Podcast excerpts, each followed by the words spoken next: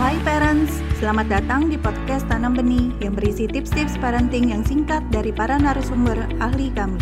Untuk mendapatkan tips-tips terbaru kami, follow podcast Tanam Benih. Yuk kita dengarkan bersama.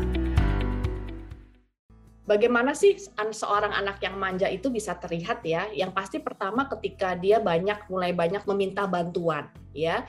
Si anak sudah merasa menyerah dulu sebelum dia mencoba untuk melakukannya. Nah, ini biasanya eh, akan terlihat ketika anak-anak sudah mulai aktif ya secara fisik.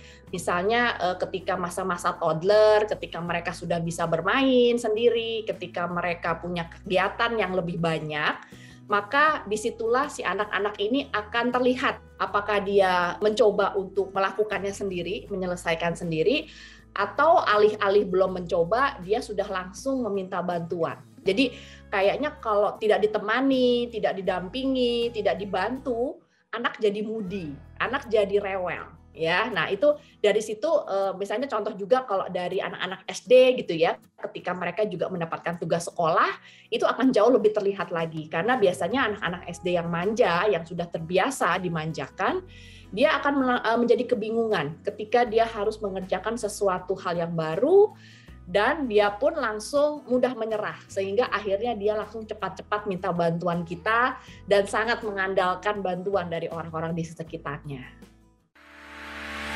Terima kasih telah mendengarkan podcast Tanam Benih. Jangan lupa follow podcast Tanam Benih. Tidak pernah ada kata terlambat loh untuk belajar.